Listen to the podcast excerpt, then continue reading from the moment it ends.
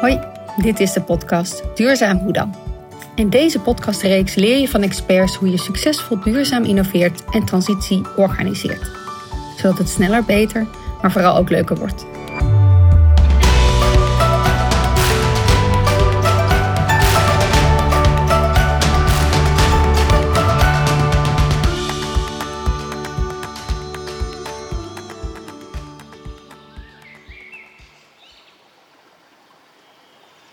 Wij zijn omdat we gedragen worden door een wereld.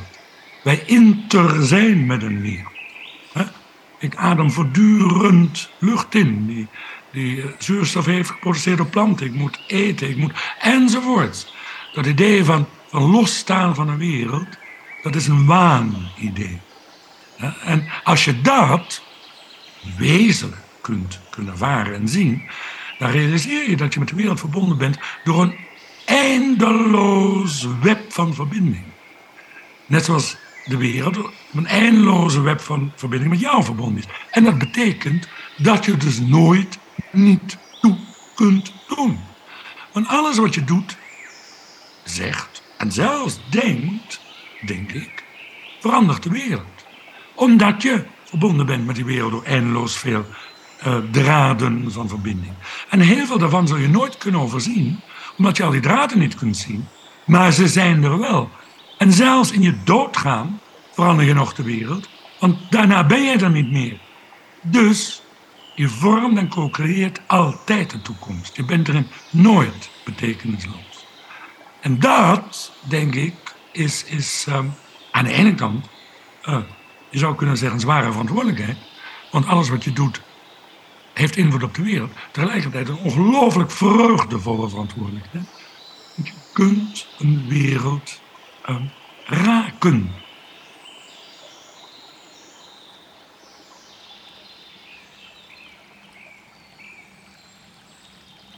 Je hoort hier Matthijs Schouten met een belangrijke boodschap. Je bent nooit betekenisloos. Je kunt de wereld altijd raken. Het idee dat de mens het epicentrum is van de wereld, dat de natuur bestaat om de mens te dienen en dat alles ondergeschikt is aan ons. Een wereldbeeld die de basis vond vanuit de Griekse filosoof Aristoteles. Maar klopt dat eigenlijk wel? Sterker nog, dat wereldbeeld is volgens hem een van de grootste oorzaken van de ecologische crisis waarin we nu verkeren. Want ja, wie denken wij als mens eigenlijk wie we zijn? Een belangrijke vraag. In voorbereiding van ons gesprek viel ik bijna in de valkuil door hard te gaan werken. Alles te willen lezen en super voorbereid te zijn. Maar door uiteindelijk 10 minuten in de natuur door te brengen en juist even te ademen, kon ik er helemaal bij zijn bij het gesprek. Wederom een waardevolle les, ook voor mij.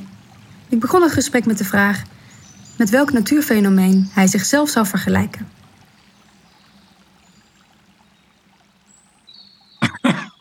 Daar heb ik nog nooit over nagedacht. Um, nou, misschien, misschien zou ik me wel het liefst willen vergelijken met, um, met water bijvoorbeeld. Mhm. Of met, uh, de gedachte komt ook onmiddellijk op, met mycelium. Het mycelium. Uh, omdat ik mij vooral voel als, uh, vooral als een verbinder. Ik heb mijn leven lang geprobeerd um, allerlei groepen, allerlei bewegingen met elkaar te verbinden rond dat thema um, partnerschap met natuur. Want dat is eigenlijk wat ik voorsta. Dat we als partners leven met alle, alles wat om ons heen is, al het niet-menselijke. En daarin zie ik mij vooral als een verbinder. Nou ja, water verbindt, mycelium verbindt. Dus uh, dat zou voor mij de metaforen zijn. Mooi, mooi. Dat is een belangrijke. Het is een mooie ja. ook, uh, en verbeeldend ook op die manier. En om, om die brug te slaan inderdaad over de, de wereldbeelden. Dat is toch eentje die wel, uh, wel heel belangrijk is. Kunt u daar iets over vertellen? Over welke wereldbeelden wij vanuit de westerse cultuur eigenlijk hebben, in ons op hebben genomen als onze waarheid? Nou ja, ik, ik, uh, ik geef allerlei trainingen tegenwoordig bij allerlei bedrijven over de binnenkant van duurzaamheid. Kijk, bedrijven die willen verduurzamen ja, die kunnen innoveren en allerlei technologische innovaties doen enzovoort enzovoort.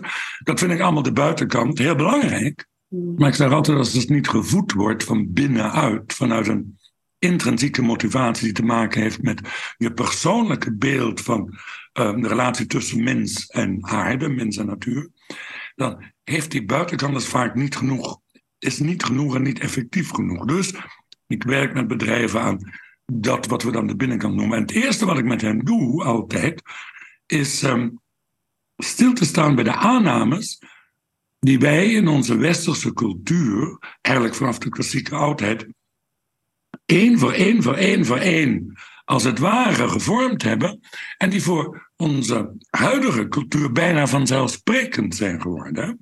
En dan beginnen we bij Aristoteles. Aristoteles, uh, interessante filosoof. En ik zeg altijd tegen mensen die denken, nou, misschien lees je Aristoteles niet meer. En misschien weet je zelfs niet meer wie Aristoteles was. Maar kan je verzekeren, als je in het Westen geboren bent en opgegroeid, zit hij heel comfortabel tussen je oren. Want het Aristotelische wereldbeeld is eigenlijk gewoon gemeengoed geworden en echt moet nog altijd door. En een van de dingen die Aristoteles deed, was een rangorde van natuurdingen maken, van laag naar hoog. Van mineralen naar primitieve planten, uh, hoogontwikkelde planten, primitieve dieren, hoogontwikkelde dieren en dan de mens. We denken nog altijd in dit systeem. Het zit in al onze biologieboeken, want zo hebben we de hele natuur ingedeeld. Dus dat idee van een rangorde van laag naar hoog, nou ja, zo kijken wij naar de wereld. En wij nemen als vanzelfsprekend aan dat wij aan de top staan. Aristoteles zag heel veel overeenkomsten tussen, tussen de mens en allerlei andere elementen van de natuur. Maar hij zag één groot verschil, vond hij, en dat was dat de mens een verstand had, een ratio, een logos. Nou, en de rest van de natuur dus niet. Dat zijn we blijven aannemen als aanname tot eergisteren. Toen kwam Frans de Waal met zijn onderzoek naar primaten. Nou, toonde aan dat primaten hebben rechtvaardigheidsgevoel. Ze hebben empathie. Ze hebben zelfbewustzijn. Allemaal van die dingen waarvan we dachten, nou, dat is uniek menselijk. We zijn meer dan 2000 jaar lang hebben wij onszelf gezien als de enige redelijke aanwezigheid op, op deze planeet. Een van die aannames. Een andere aanname die Aristoteles had, is dat in die rangorde van het zijn het lagere het hogere dient. Hij zag dat als een soort, soort doelstrevendheid der dingen, dat het lagere, dat was het goede voor het lagere, zo noemde hij dat, het hogere te dienen. Mineralen zijn nog om planten te voeden, planten zijn nog om dieren en mensen te voeden, dieren zijn nog om mensen te voeden en te helpen. Dat is hun doel. En mensen zijn nog om hun verstand te ontwikkelen. Nou, ze hebben ook blijven aannemen tot eergisteren. We, we zien nog altijd onszelf als um, centrum der dingen, waarbij de rest van wat op deze planeet aanwezig is, er is voor ons. Want uiteindelijk is dat beeld van een dienende natuur overgenomen door theologen van het christendom. Staat overigens niet in de Bijbel. Jezus heeft het ook niet gezegd.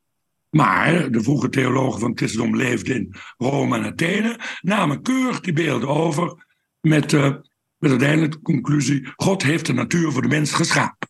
Nou ja, dat hebben, we keurig blijven aannemen. In de, in de 17e eeuw was er nog een hele belangrijke Engelse wetenschapper die schreef dat God runderen geschapen heeft uh, om biefstukken vers te houden voor menselijke consumptie. Nou, dat beeld, vanzelfsprekend is van en voor ons, dat is de bestemming van de natuur. Um, Aristoteles overigens geloofde nog wel dat alles wat leeft en bewoog en groeide, zoals alle, bijna alle klassieke filosofen het aannamen, een ziel had en bezield was. Nou ja, die ziel is er ook nog uitgegaan, want in het christendom is zo sterk de nadruk komen te liggen op de eeuwige menselijke ziel, dat een ziel in de natuur als het ware verdwenen is. te zeggen dat een boom een ziel heeft of een vogel een ziel heeft, nou dat vinden wij hooglijk ongewoon. Dus we hebben ook nog de aanname gemaakt dat de natuur niet bezield is. En bovendien hebben we dan ook nog in de 17e eeuw, in de tijd van de verlichting met René Descartes, die uh, onderscheid maakte tussen materie en geest. En stelde dat hij geen andere aanwezigheid kon zien dan de mens die geest en materie combineerde. Ging er dus maar vanuit voorlopig, zei hij, dat al het niet-menselijke geestloos was. Dan hebben we ook nog even de geest uit de natuur gehaald. Allemaal aannames. Aannamen dat de natuur redeloos is, zieloos is, geestloos is en er voor ons is als een, laten we maar zeggen, een, een eh, pakhuis van goederen en diensten die er zijn om de mens uh, uh, te dienen. Nou, allemaal aannames die we stap voor stap voor stap gemaakt hebben in onze westerse cultuurgeschiedenis en die voor de mens van vandaag bijna vanzelfsprekend zijn.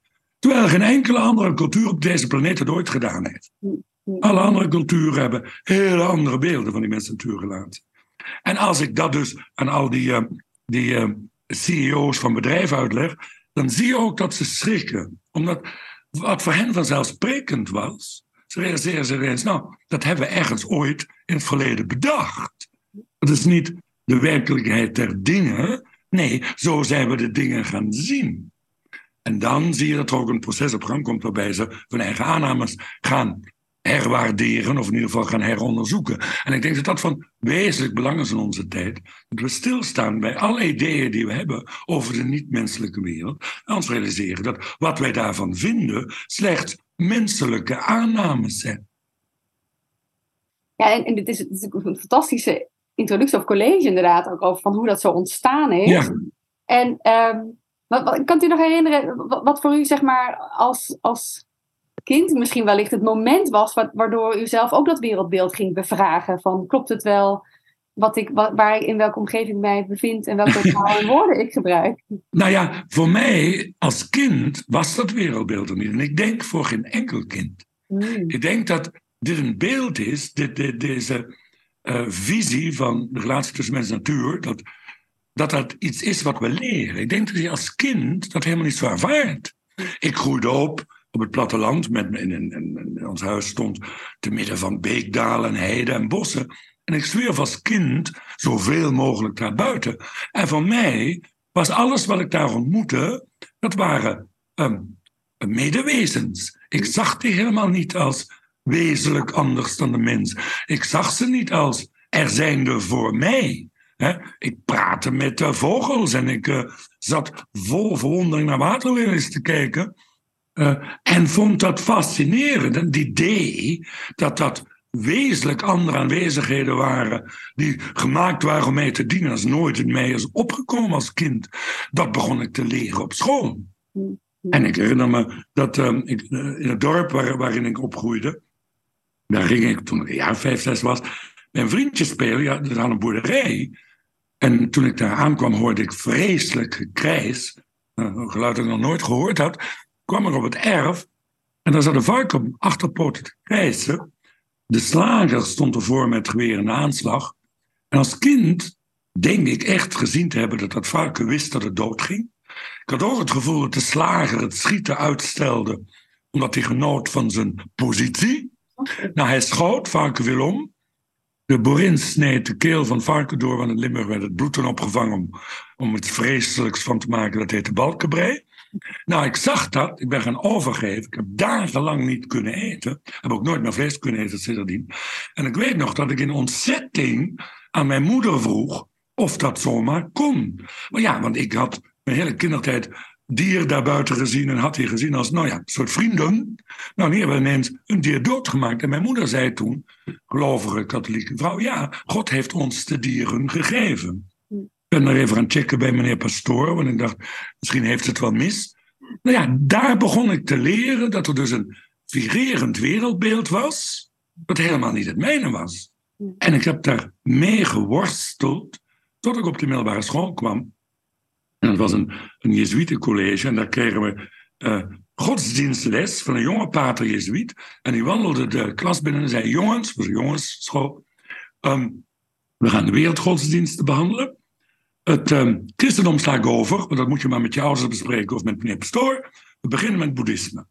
Zei hij, en de eerste leefregel van boeddhisme is dat je geen enkel levend wezen dat pijn kan voelen, uh, kwetst of dood. En toen dacht ik, zie je, ik kan er dus echt anders over denken. Hmm. En daar is voor mij mijn hele verdere, ik zou bijna willen zeggen, um, zoektocht begonnen. En ook mijn, uh, ja, mijn werkzame leven. Want ik ben biologie gaan studeren omdat ik ontzettend van de natuur hou. Maar vragen rond die omgang, ja, die waren al existentieel voor mij als, als heel jong jongetje. En met deze uitspraak van deze pater Jezuïet, die ik voor eeuwig dankbaar ben, kwam dus mij het besef, ja, de wijze waarop we natuur, naar natuur kijken, is niet universeel. En is ook niet absoluut. Die hangt van omgeving en cultuur af. Ja, ik ben dus, toen ik later biologie studeerde in Nijmegen, ook vrij snel vergelijkende religiewetenschap en filosofie daarnaast gaan studeren. Omdat mij zo enorm fascineerde. Waarom kijken mensen naar natuur zoals ze naar natuur kijken? Waar komen die beelden vandaan? En hoe verschilt dat van cultuur tot cultuur? Ja, maar wat, wat heb je geleerd in die tijd? Want dat was ik ga er even vanuit, redelijk uniek. Uh, ook in, als persoon, zeg maar, om ook de bruggen te slaan tussen, die, tussen die verschillende werelddelen, of wereldbeelden misschien ook wel. Wat heb je geleerd in de gesprekken met, uh, met, met de collega-studenten of, uh, of mensen die je toen om je Nou, het interessante is dat in de, toen ik, toen ik ben gaan studeren in 1960, ben ik geloof ik in 72 met religiewetenschappen begonnen dat paste heel erg in het discours van toen. Hè? Ik studeerde aan de Universiteit van Nijmegen, een zeer progressieve universiteit. Het heet ook niet voor niks Havana aan de Waal. Nogal groot en nogal erg kritisch op allerlei, allerlei maatschappelijke processen. Ja. En wat ik aan het studeren was, op de afdeling eh, theologie, vonden mijn medestudenten fascinerend. Want het is debat over, nou ja, dat heette toen geen duurzaamheid, maar over een een, laten we maar zeggen, een respectvolle omgang met natuur en het tegengaan van uitbuiting van natuur, dat was volop en allemaal aanwezig. Als ik dan in het, de gesprekken kwam met mijn medestudenten en zei, ja, maar in Azië denken ze daar anders over. En bij vroege culturen was het een heel andere relatie. Dat beeld dat wij hebben van de relatie met natuur, ja, dat is westers, maar niet universeel. En we moeten dus ons beeld gaan bevragen. Nou, dat, was, dat werd uh, hooglijk gewaardeerd, maar dat werd ook een deel van het maatschappelijk discours. Want in de jaren zeventig werd er enorm veel gekeken naar niet-westerse culturen. Dat was ook deel van het hele hippiedom. De, de, de grote interesse in Azië en de grote interesse in, uh, in de Native American culturen. Carlos Castaneda met zijn boeken. Ja, dat hoorde bij, bij die tijd. Dus dat werd, uh, dat werd met, met, met, veel, met veel enthousiasme ontvangen. En het fascinerende is dat dat dus langzaam weer naar de achtergrond raakte. Hè? Toen was dat deel van het grote discours. En uh, zoals ik zei, nu is het er weer, want er wordt nu weer heel erg veel gekeken naar niet-westerse culturen ter inspiratie. En mijn vraag is steeds geweest: waarom verdween dat? Wat is nu de reden dat we dat weer over moeten doen? Blijkbaar was wat we toen deden, wat we toen in beweging gezet hebben, niet voldoende. En uh, nou ja, langzaam maar zeker begin ik daar geloof ik wat antwoorden op te vinden. En dat is ook deel geworden van uh, waarschijnlijk ook wat jij in het begin vroeg. Hoe kunnen wij dat inzicht dat nu weer aan het groeien is, dat de natuur niet van en voor ons is, want meer en meer mensen hebben dat, of laten dat beeld los. En ik zie dat vooral bij heel veel jongeren in deze samenleving. Mensen denken, vinden helemaal niet meer vanzelfsprekend dat de natuur voor ons is. Um, maar hoe zetten we dat om in handeling? Hoe zetten we dat om in wezenlijk anders omgaan met de wereld? En ik heb het gevoel dat we daar dus in de jaren 70 de boot gemist hebben. Omdat wat, wat we toen deden en wat we toen aan het exploreren waren en we discussieerden, dat dat vooral nog cognitief was. Vooral in het hoofd zat. Prachtige nieuwe beelden waar we heel veel over spraken en schreven en lazen. Maar het daalde niet dieper dan hier. Het werd geen ervaring. Bleef hangen eh, onder de nek, of hè? bij de nek. Zeg maar. Boven de nek. Ja, ja. En ik denk dat dat cruciaal is nu. Want het fascinerende is, ik heb veel onderzoek gedaan naar, naar um, hoe mensen naar natuur kijken. Dat hebben we gedaan in Nederland, dat hebben we gedaan in het buitenland. En het blijkt dat twee derde tot drie kwart van de mensen in onze samenleving nu vindt dat we deel zijn van de natuur en er ook nog goed voor moeten zorgen. Dat noemen wij de gecombineerde participanten-rentmeesterschapshouding in de filosofie. Fijn! Maar je ziet er daar buiten niks van. Want de biodiversiteit blijft achteruit gaan. We stoten nog steeds heel veel CO2 uit. Mensen blijven vlees eten. Dus we vinden dat dan wel mooi, cognitief. Maar ja, we doen er niks mee omdat we het niet ervaren. En ik denk dat dat is wat er nu wezenlijk moet gebeuren, dat we dat maken tot een ervaringsgegeven. En niet slechts een mooie cognitieve stellingname. En dat is, denk ik, wat misgegaan is in de jaren 70, 80. Voor de vrouwenemancipatie en voor de LHTPG+, emancipatie, dat ging veel dieper. Dat werden heel veel mensen diep ervaren. Dat het ging om menselijkheid, wezenlijke waarden. En die werden uitgedragen. Daar, werd, daar, ging, daar ging men voor de straat op. Dat, dat ging tot het hart en tot de buik. Bij natuur is het een beetje blijven hangen. En dat is nu, denk ik, onze hele grote opgave. Dit te maken tot, een, tot iets wat we voelen. Ja. Er is een, uh, er is een uh, belangrijke uh, Vlaamse filosoof geweest, Ulrich Liebrecht. Die heeft alle filosofische systemen van de wereld bestudeerd in zijn leven. En daar een handboek voor de comparatieve filosofie um, van gemaakt. Fascinerend werk. En hij zegt dat in de filosofische systemen der mensheid je verschillende paradigma's kunt onderscheiden. En één paradigma is, en dat is typisch westers paradigma, dat we de wereld benaderen uit onderscheiding en benoeming.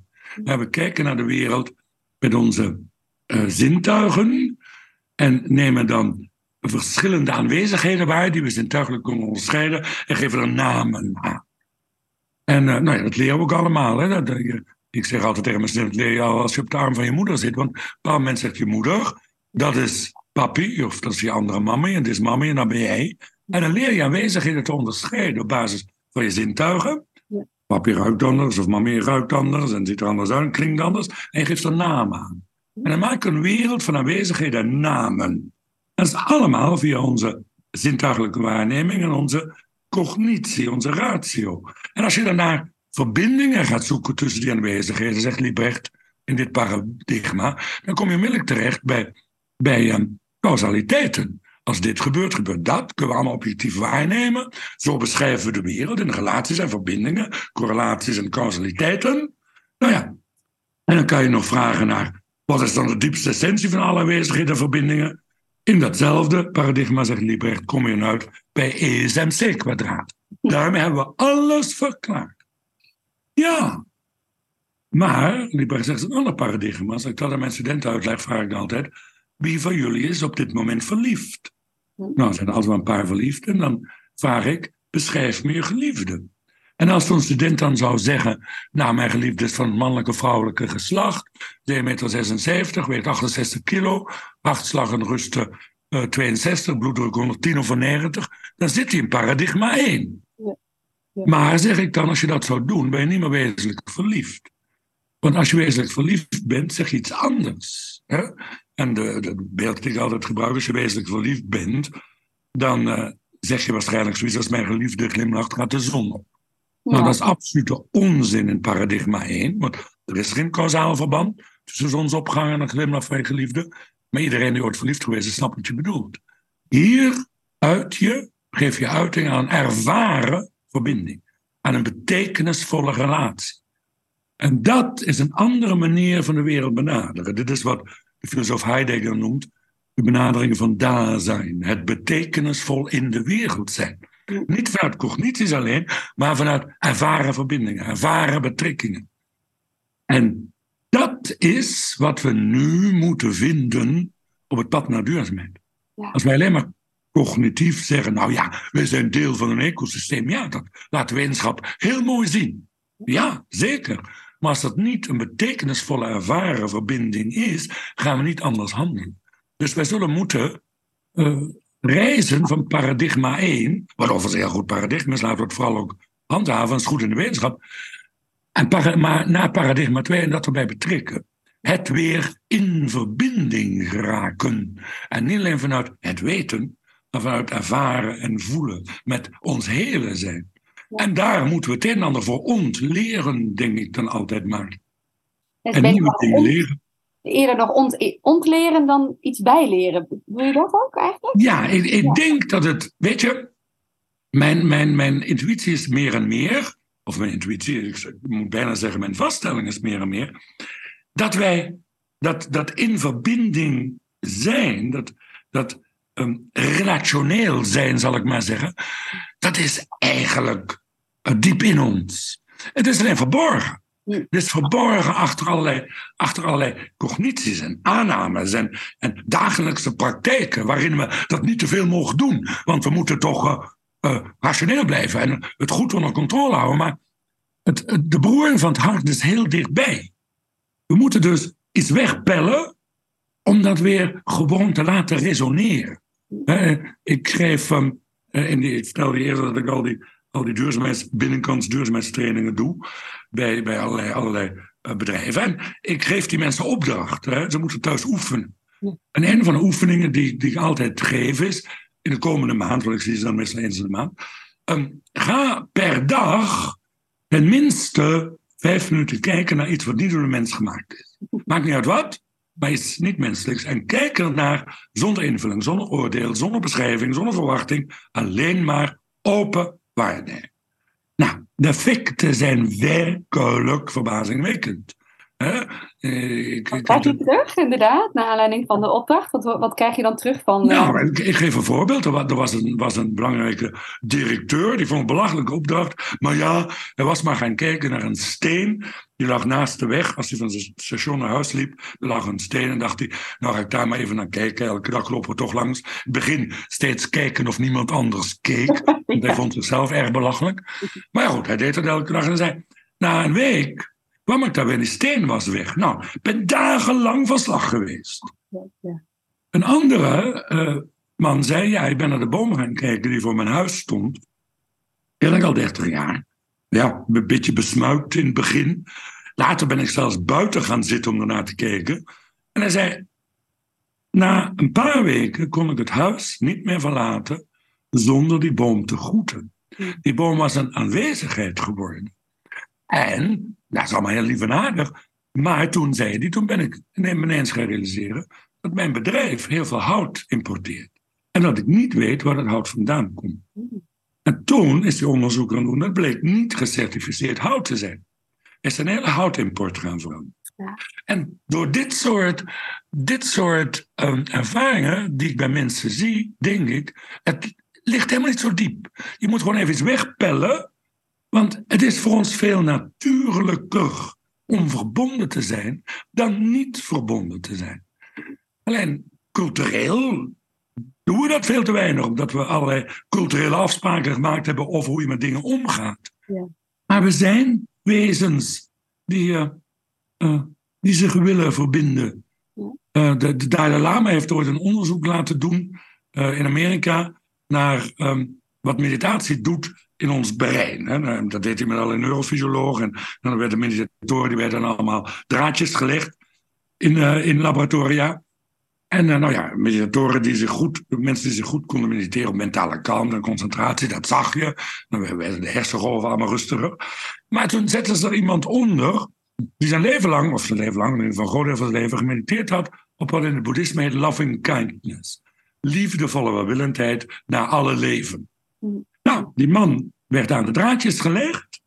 Die ging in meditatie. En binnen de kortst mogelijke tijd lichtte dat deel van het brein op ons gevoel van welzijn uh, uh, gevormd wordt. Dat het gevoel van welzijn stimuleert.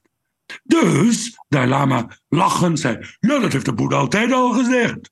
Welwillendheid en liefde is niet alleen goed voor de ander, maar ook voor jezelf. Je voelt je er beter bij. En ik denk dus dat het een deel van zijn natuur is. En wij zijn dat vermogen, dat vanzelfsprekende vermogen, verbonden te zijn met alles wat om ons heen is en leeft en, en beweegt, een beetje kwijtgeraakt door allerlei culturele aannames en door de manier waarop we onze uh, reilen en zeilen van de dagelijkse economie invullen. We moeten dat even wegpellen en ik denk dat we er snel bij zijn. Dus daar ben ik heel hoopvol over. Ik denk dat dit razendsnel zou kunnen gebeuren. Alleen moeten we even de poorten daartoe openen. ik moet meteen een, een, bekentenis doen, want ik was vanmorgen natuurlijk aan het voorbereiden voor ons gesprek. En ik, was aan het, en ik wilde dat nog lezen en ik wilde dat nog doen. En op een gegeven moment dacht ik, oh, volgens mij moet ik juist bewust nu even stoppen. En naar buiten gaan. En toen ben ik naar buiten gegaan hier in de, de, hele, de, de, bos naar alle, alle verschillende vogeltjes gaan kijken. Ja. En, en ik dacht, dit is precies wat ik eigenlijk wil. Maar doordat ik het graag wil, ga ik het dan toch rationeel oppakken. Of, hè? Ja. En, eigenlijk toch eerder, nou nu kon ik hem ook wel voelen dat ik het bewust moest doen. Omdat ik, ik voelde de opdracht onbewust al een beetje. Ja, maar, uh, maar, maar, maar, ook ik vind het toch echt nog wel moeilijk om dat, uh, om, om dat te incorporeren. Of toch jezelf even weer uh, te, te, herinneren dat te doen. Hoe, hoe, is dat voor u? Hoe, hoe doet u dat nog dagelijks? Op welke manier? Of wat is de laatste keer dat u echt nog heeft verwonderd over iets in de natuur of een mooie plek waar u was? Nou ja, de eerste plaats, ik woon hier aan het Huis van Utrecht, maar in een achterhuis. En dat kijkt uit op een heel complex van tuintjes. Nou ja, nu, nu, nu zijn de sneeuwklokjes in bloei, de krokussen komen boven. Dus het hele jaar door zie ik hier direct al dingen. Ik hoor hier merels zingen. Uh, dus dat is er steeds, maar het is er ook altijd geweest. Want ik heb een groot deel van mijn leven ook uh, in de natuur gewerkt. En, en, en allerlei onderzoek gedaan. En onderwijs gegeven. Dus die, um, die verwondering is er. Uh, ik herinner me nu nog. Ik hoef, ik hoef het alleen maar op te roepen en het is zo helder aanwezig. Dat ik mijn eerste korenbloem zag. Ik, ik was een jongetje, een klein jongetje.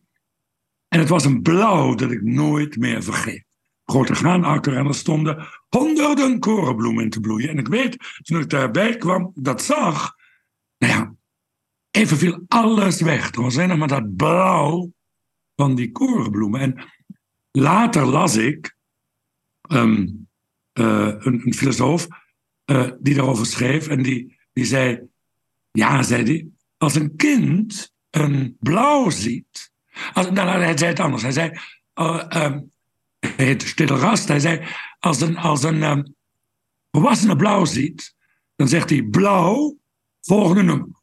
We hebben het al benoemd, we gaan we verder. Als een kind blauw ziet, dan ziet het kind uh, blauw van de lucht. Dan ziet het kind het blauw van libellenvleugels. Dan ziet het kind het blauw van een gentiaan. Want daar onthult zich een wereld in blauw. En toen ik dat las, dacht ik, ja, dat is wat bij mij gebeurde. En ik vind het een van de van de, nou ja, nu, ik ben nu 70, als ik terugkijk, denk ik, ik ben er ontzettend blij mee dat dat vermogen tot verwondering nooit, nooit verloren gegaan is.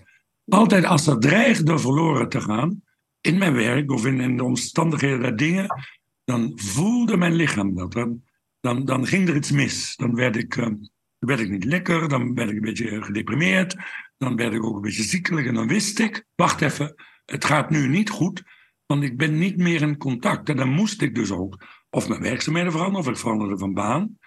Uh, dit is voor mij um, absoluut wezenlijk gebleven in mijn leven. Ja. Mooi. Mooi, ik moet ook denken aan uh, het feit. Ik heb ook twee jonge kinderen. Van goh, ja. hoe doe ik dat met hun ook, hè, zeg maar. Ja. En gelukkig, uh, mijn ouders, uh, of niet, mijn moeder, een grote moestuin. Dus waar we elke voorjaar ja. hard aan meewerken om ook de vruchten te plukken na de zomer met z'n allen. Dus dat is heel fijn. maar wij zijn ook bijvoorbeeld, rapen wij plastic bijvoorbeeld op. Ja. En op een gegeven moment kwam er het moment dat we dus naar het bos gingen en dat ze alleen maar het afval zagen. Ja. Dus toen dacht ik, oh, dit moet ik ook weer omturnen. Dus, dus het is heel goed dat jullie het afval willen opruimen, maar dat gaan we pas doen op de terugweg. Dus ik moest het echt heel bewust ja, uh, ja, ja. ja, even afschaffen, zeg maar. Zodat ze ook weer de, de mooie dingen van het bos zien. Of überhaupt gewoon het bos ervaren zonder uh, een soort moest, moed of zo. Ja, ja, precies. En dat is ook wel voorkomen van dat, het, uh, ja, dat, je wel uh, het mooie blijft zien ook. En daarin blijft nou, absoluut, want dat vind ik soms het, uh, het, het, het nou, hoe zou ik het moeten zeggen, het verontrustende mm. aan die hele duurzaamheidsbeweging. Ik bedoel, um, overigens haat ik het woord duurzaamheid, maar um, aan die, laat ik zeggen, aan de beweging waarin we proberen deze planeet toch wat minder aan te tasten. Dat, er ook een, dat het vooral ingegeven is door zwaarte. Door uh, wat allemaal niet meer mag en door schuld en door. Zeker, ik ben ervoor dat we even stilstaan en rouwen over alles wat we deze planeet hebben aangedaan. Hè? Uh, ik, ik, zeg heel vaak, kijk, we hebben, we hebben per jaar twee minuten stilte voor alle gevallen in de oorlogen. Nou, laten we ook momenten van stilte, van communale stilte inbouwen voor alle gevallen in de natuur. Wat we, voor wat we hebben doen uitsterven. We moeten door dat, dat rouwproces heen. Want zolang we dat niet onder ogen zien, zien we in de werkelijkheid. Zien we niet wat we um, aanrichten op deze planeet. Dus dat moet. Maar daarna moet het een beweging worden vanuit betrokkenheid, vanuit liefde, vanuit verwondering. En niet vanuit alles wat niet mag en schuld en zwaarte. Nee, laten we, laten we deze planeet heel houden, omdat we van haar houden. En Um, dat mis ik een beetje in veel van de debatten over. over, over als we het hele stikstofdebat hebben. wat, we, wat er nu zich in Nederland afspeelt. Ja, dat gaat over wat boeren dan niet meer mogen en de natuur die onder druk is.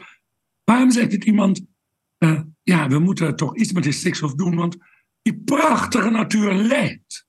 En uh, die natuur is zo ongelooflijk, wonderlijk mooi, die mogen we niet, kunnen we niet uh, langzaam maar zeker laten wegkwijnen.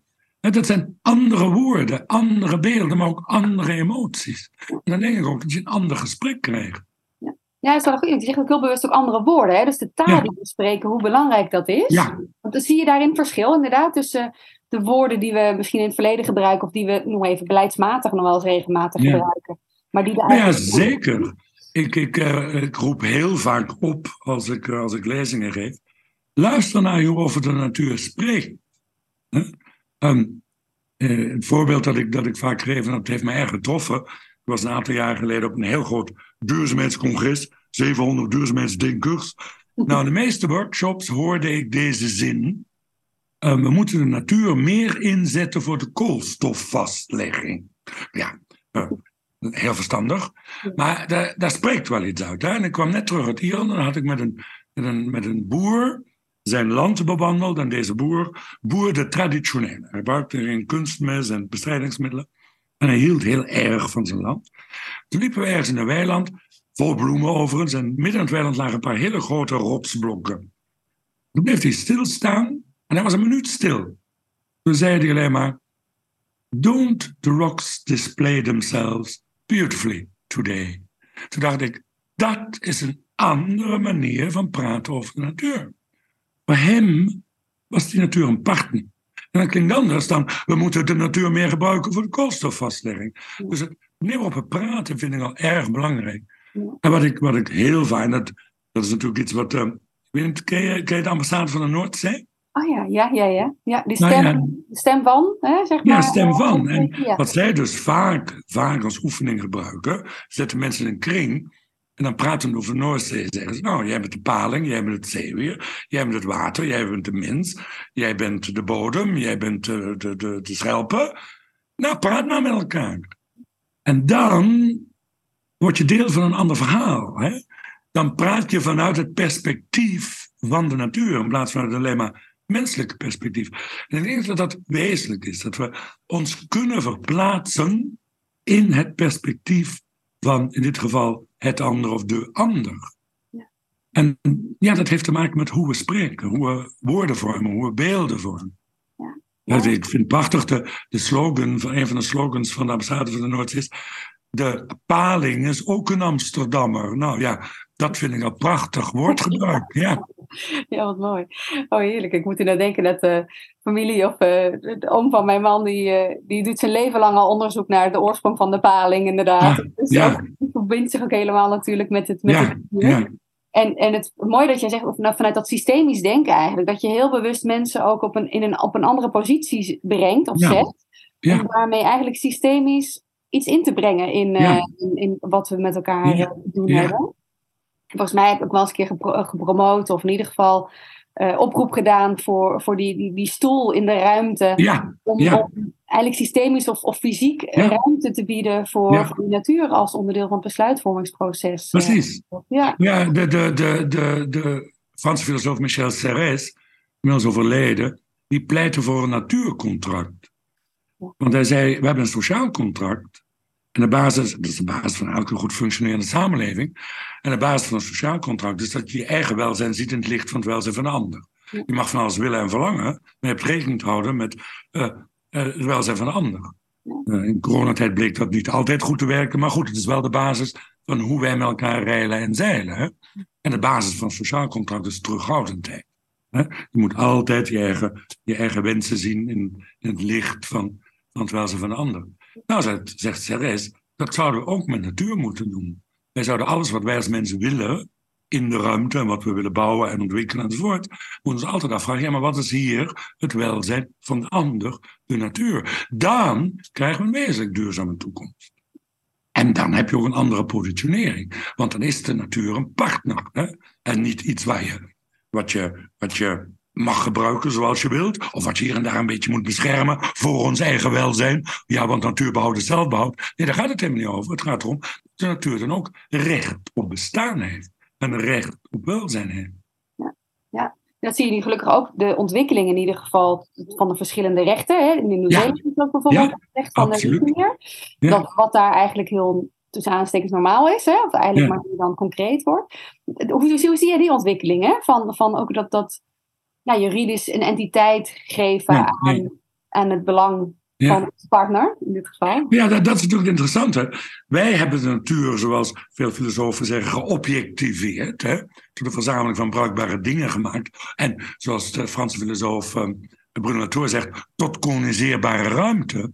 Dat hebben andere culturen niet gedaan. Kijk, voor de grote culturen uit Azië, of het nou het Hindoeïsme, het Boeddhisme of Taoïsme is, vooral de vroege culturen, had de natuur vanzelfsprekend rechten. Want de natuur was partner in het zijn. Of tenminste zag ze als deel van een groter web van leven. Dus dat de natuur um, er ook mocht zijn, ja, dat was daar een vanzelfsprekende aanname. Ja. En wij hebben natuurlijk in ons rechtssysteem de natuur tot een rechteloos domein gemaakt, een domein van, van niet-recht, omdat voor onze rechtsfilosofie iets alleen maar een recht, iemand of iets ook alleen maar rechtspersoonlijkheid kan zijn, als er handelsbekwaamheid is. Nou, elk menselijk individu heeft dat, maar ook de Rabobank en ook Shell, die worden ook gezien als rechtspersonen. De natuur niet, want wij vinden blijkbaar impliciet dat de natuur geen wil en heeft.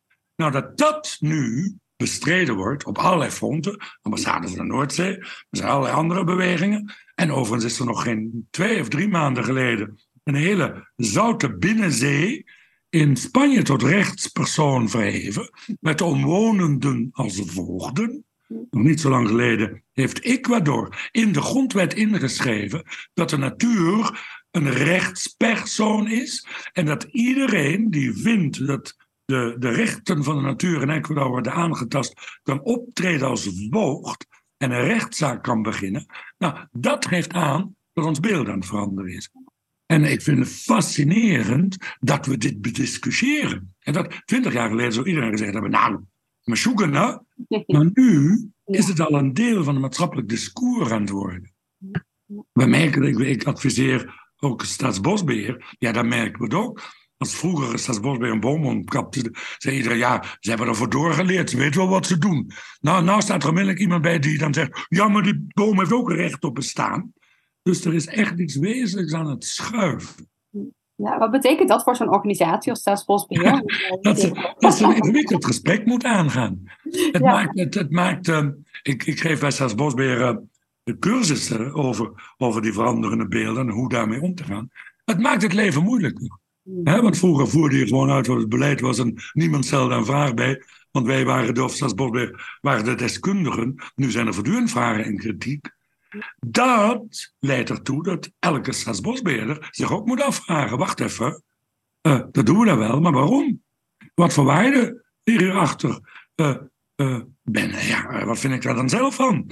Want je moet nu gesprekken aangaan met een samenleving. En dat maakt het werk veel complexer, maar eindeloos veel fascinerender en interessanter en boeiender. En heel veel staatsbosbeheerders vinden het ook heerlijk dat ze deze gesprekken aan kunnen gaan. Ja. Oh, mooi. Ja. Ik moet zelf denken aan, uh, het bezoek in, in Zuid-Limburg, wat wij een paar, uh, een paar maanden terug inderdaad hadden gedaan. En toen zag ik een waterloop die dus natuurlijk liep. Dus die was uh, buigend, zeg maar. Ja, ja. Toen realiseerde ik me, en ik vond het echt ontzettend mooi. Dat was op, op, zonsopkomst. Ja. Het was natuurlijk sowieso een mooie setting, maar dat toen ik eigenlijk op realiseerde dat, uh, dat ik heel lang geen natuurlijke loop had gezien. Of in ieder geval in nee. Brabantse, waar, ik, uh, waar ik woon. En het zal er vast ergens wel zijn hoor. Maar, maar ik, ik, realiseer me toen in één keer van, oh ja, maar dit is natuurlijk deze manier van, uh, van loop. Dus dat, dat soort ja, verwonderingen die er dan zijn. Ja. dus hoe, hoe kunnen we die soort van weer um, ja, hernormaliseren? Van, oh ja, dit is normaal. En niet dat, dat echte afgeschepte slootje. Nou ja, nee, het is ook meer en meer aan het gebeuren. Hè? En er zijn in Nederland allerlei projecten waarin, uh, waarin zogenoemde natuurherstelprojecten, waarin we inderdaad de natuur weer meer vrijheid geven. Want we hebben het, Nederland is natuurlijk bij uitstek het land waar de natuur wel erg aan banden gelegd is. Hè?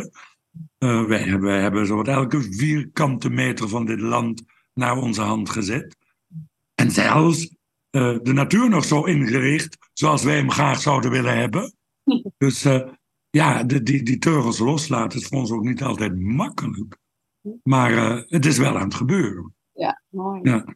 Maar ik, ik bedoel, ik had het al bewust inderdaad over al die professionals, ja. onder andere, die ook echt bezig zijn met hoe kan ik impact maken in mijn eigen organisatie? En dat kan ook heel bewust door te kiezen voor een organisatie waar je maar, maar het kan ook misschien in je huidige rol uh, zijn.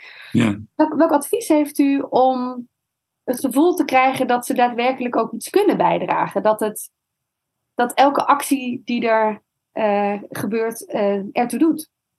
Nou ja, um, in de eerste plaats um, um, is voor mij de Um, dit, is een, dit is een filosofische beschouwing die, uh, die uh, uit het boeddhisme komt, maar die, die uh, je eigenlijk veel breder kan trekken. Ik ga ervan uit dat niets en niemand op zichzelf staat. Hè? Ik zeg altijd tegen, tegen, tegen mensen die me dan een beetje wazig aankijken. Je moet eens even nagaan. Jij zit hier nu op deze plek wat leger aan aanwezigheden achter jou staat, die jou hier gebracht hebben. Het feit dat jij hier nu kunt zitten op een stoel die ergens door mensen gemaakt is, die van hout dat ergens uit een, uit een bos komt, hè, van een boom. Maar het feit dat je hier nu kunt zitten, betekent dat je ouders gehad hebben, die voor je gezorgd hebben. Je hebt onderwijzers gehad, opvoeders, je hebt mensen die je geholpen hebben. Al die mensen die eraan bijgedragen hebben, al die dingen uit de natuur die eraan bijgedragen hebben, dat jij hier nu zit, staat eens bij stil. Dat is een leger van mensen. En een nog groot leger van planten en dieren die ervoor gezorgd hebben dat je overleefd hebt. Dus het idee dat jij op jezelf staat, onafhankelijk van de wereld om je heen, is een absolute domme aanname. Want dat is niet de werkelijkheid. Wij zijn er omdat we gedragen worden door een wereld wij inter zijn met een wereld. Ik adem voortdurend lucht in, die, die eh, zuurstof heeft geproduceerd op planten. Ik moet eten, ik moet enzovoort. Dat idee van, van losstaan van een wereld, dat is een waanidee. En als je dat wezenlijk kunt, kunt ervaren en zien, dan realiseer je dat je met de wereld verbonden bent door een eindeloos web van verbindingen. Net zoals de wereld een eindeloze web van verbinding met jou verbonden is. En dat betekent dat je dus nooit niet toe kunt doen. Want alles wat je doet, zegt en zelfs denkt, denk ik, verandert de wereld. Omdat je verbonden bent met die wereld door eindeloos veel uh, draden van verbinding. En heel veel daarvan zul je nooit kunnen overzien, omdat je al die draden niet kunt zien. Maar ze zijn er wel. En of je nu nu een Nobelprijs gaat winnen, of voor de rest van je leven in je bed gaat liggen sneuken, in beide gevallen is het een andere wereld. En zelfs in je doodgaan verander je nog de wereld, want daarna ben jij er niet meer. Dus je vormt en co-creëert altijd de toekomst. Je bent erin nooit betekenisloos. En dat, denk ik, is, is um, aan de ene kant, uh, je zou kunnen zeggen, zware verantwoordelijkheid. Want alles wat je doet heeft invloed op de wereld. Tegelijkertijd een ongelooflijk vreugdevolle verantwoordelijkheid.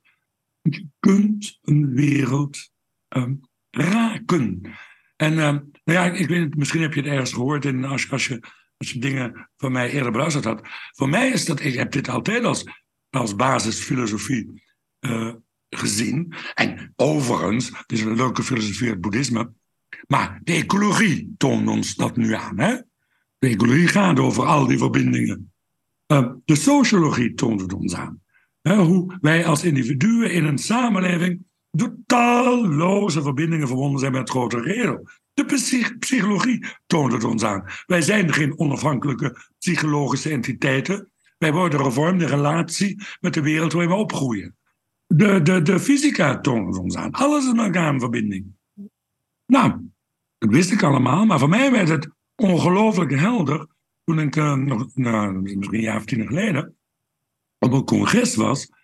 En dan kwamen een, een jonge man en een jonge vrouw naar me toe met een jongetje van een jaar of vijf, zes. Ken je het verhaal? Ja, ik heb het gehoord, maar ik vind het heerlijk als je hem nog naar mijn, mijn luisteraar zou willen ja, Nou ja, voor mij is dat een life-changing moment geweest. Hè? Want zij zeiden toen, mogen wij jou ons zoontje voorstellen? Ik zei, ja graag. En dat is onze Matthijs. En toen zei ik, nou ja, zo'n mooie naam. Nee, nee, we hebben hem naar u genoemd. Waarop ik enigszins verontrust vroeg of ik hen dan kende, want ik wist totaal niet wie ze waren. En toen vertelde ze dat ze een jaar of zes daarvoor aanwezig geweest waren bij een, een, een, een congres waar ik sprak. En daar had ik woorden van de Boeddha aangehaald. En die woorden waren: mogen alle levende wezens gelukkig en veilig zijn. Nu groot zijn, middelgroot of klein, sterk, middels, sterk of zwak. Dichtbij, vooraf, gezien, niet gezien, geboren of nog na geboorte strevend, mogen alle levende wezens gelukkig en veilig zijn. Typische boeddhistische zegenwens.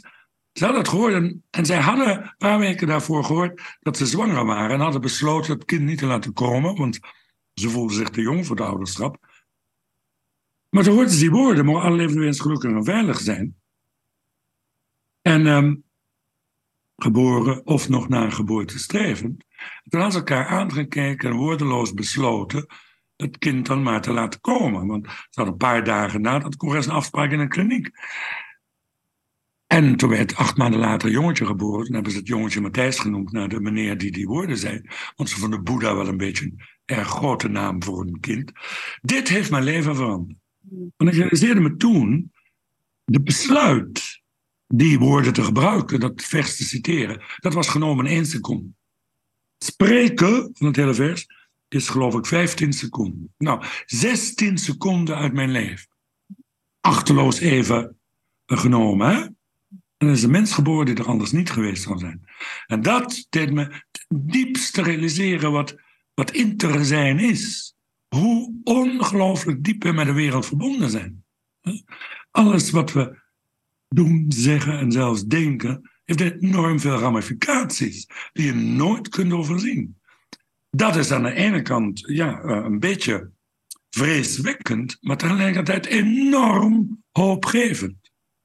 En voor mij heeft dat betekend dat vanaf dat moment mijn hele leven anders geworden is. Toen heb ik gedacht, nou, het enige wat ik nu nog kan doen met de rest van mijn leven is uh, me voor te nemen dat ik wil werken aan een, aan, een, aan een wereld van verbinding. Aan een wereld waarin, waarin uh, ja, een wereld van welwillendheid en liefde naar al wat leeft. En dat maar zoveel mogelijk uit te dragen. Nog zonder me af te vragen of dat effect heeft, dat zorgt wel allemaal voor zichzelf. En als ik dat voorleg, dit verhaal, aan mensen uit, uit, uit bedrijven, dan heel vaak gebeurt er iets. Dan zie je ineens dat ze zich realiseren, wacht even, ik ben niet betekenisloos, ik ben niet machteloos. Ook niet binnen mijn bedrijf. Ik zie mezelf, heel veel mensen zien zichzelf een radertje in iets groters, machteloos, maar dan, dan is er toch de realisatie, wacht, uh, ik heb als radertje heel veel verbindingen. En de wijze waarop ik draai, heeft invloed voor een heel bedrijf. En wat ik bijvoorbeeld mensen in bedrijven altijd aanraad, het is eigenlijk heel simpel. Begin al je grote vergaderingen niet met de agenda, maar begin met even elkaar te delen wat je in de laatste week ontroerd heeft.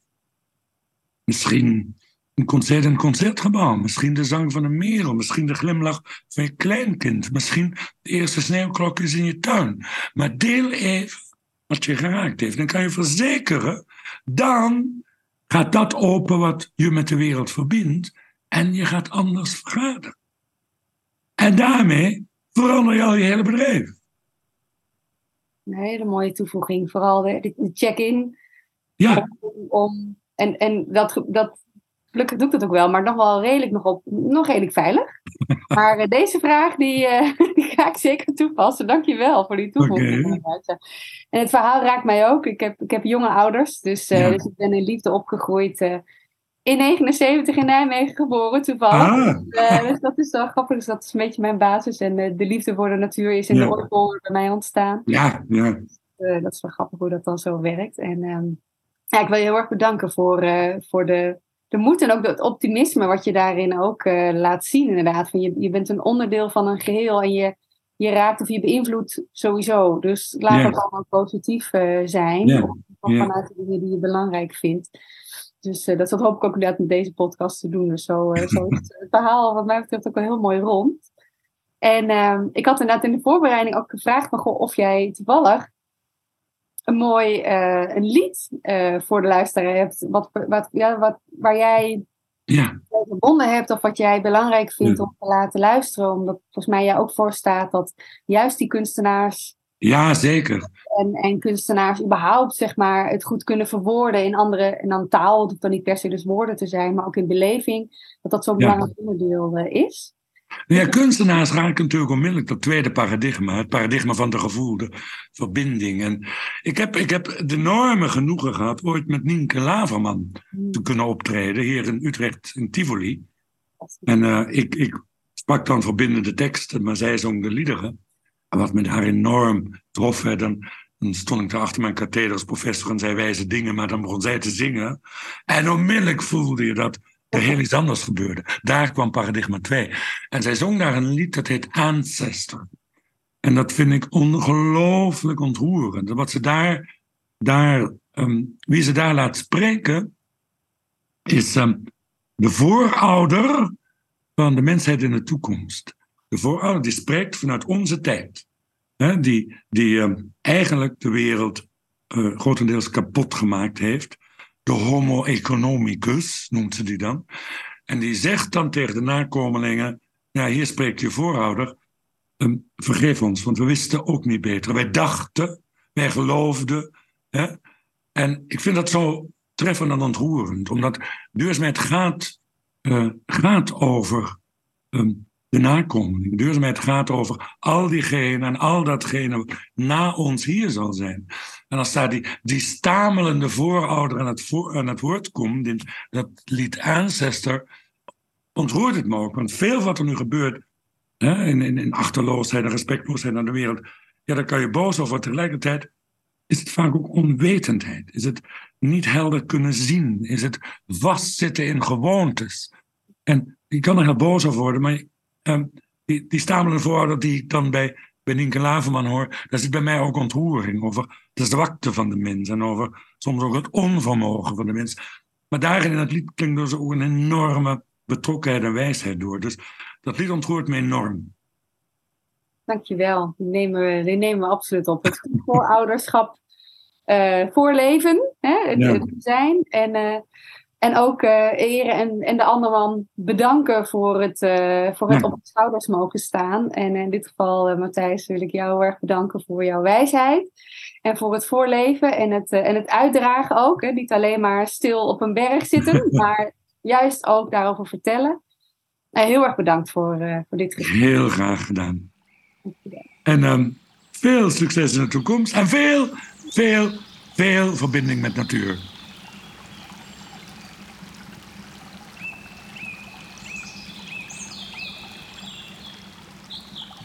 De natuur mee opzoeken en inspiratie uithalen.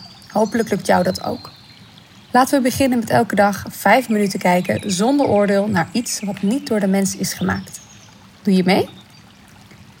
Abonneer je vooral op deze podcast, zodat ook andere mensen makkelijker deze inspiratie kunnen vinden. Of stuur het naar iemand door die het nodig heeft.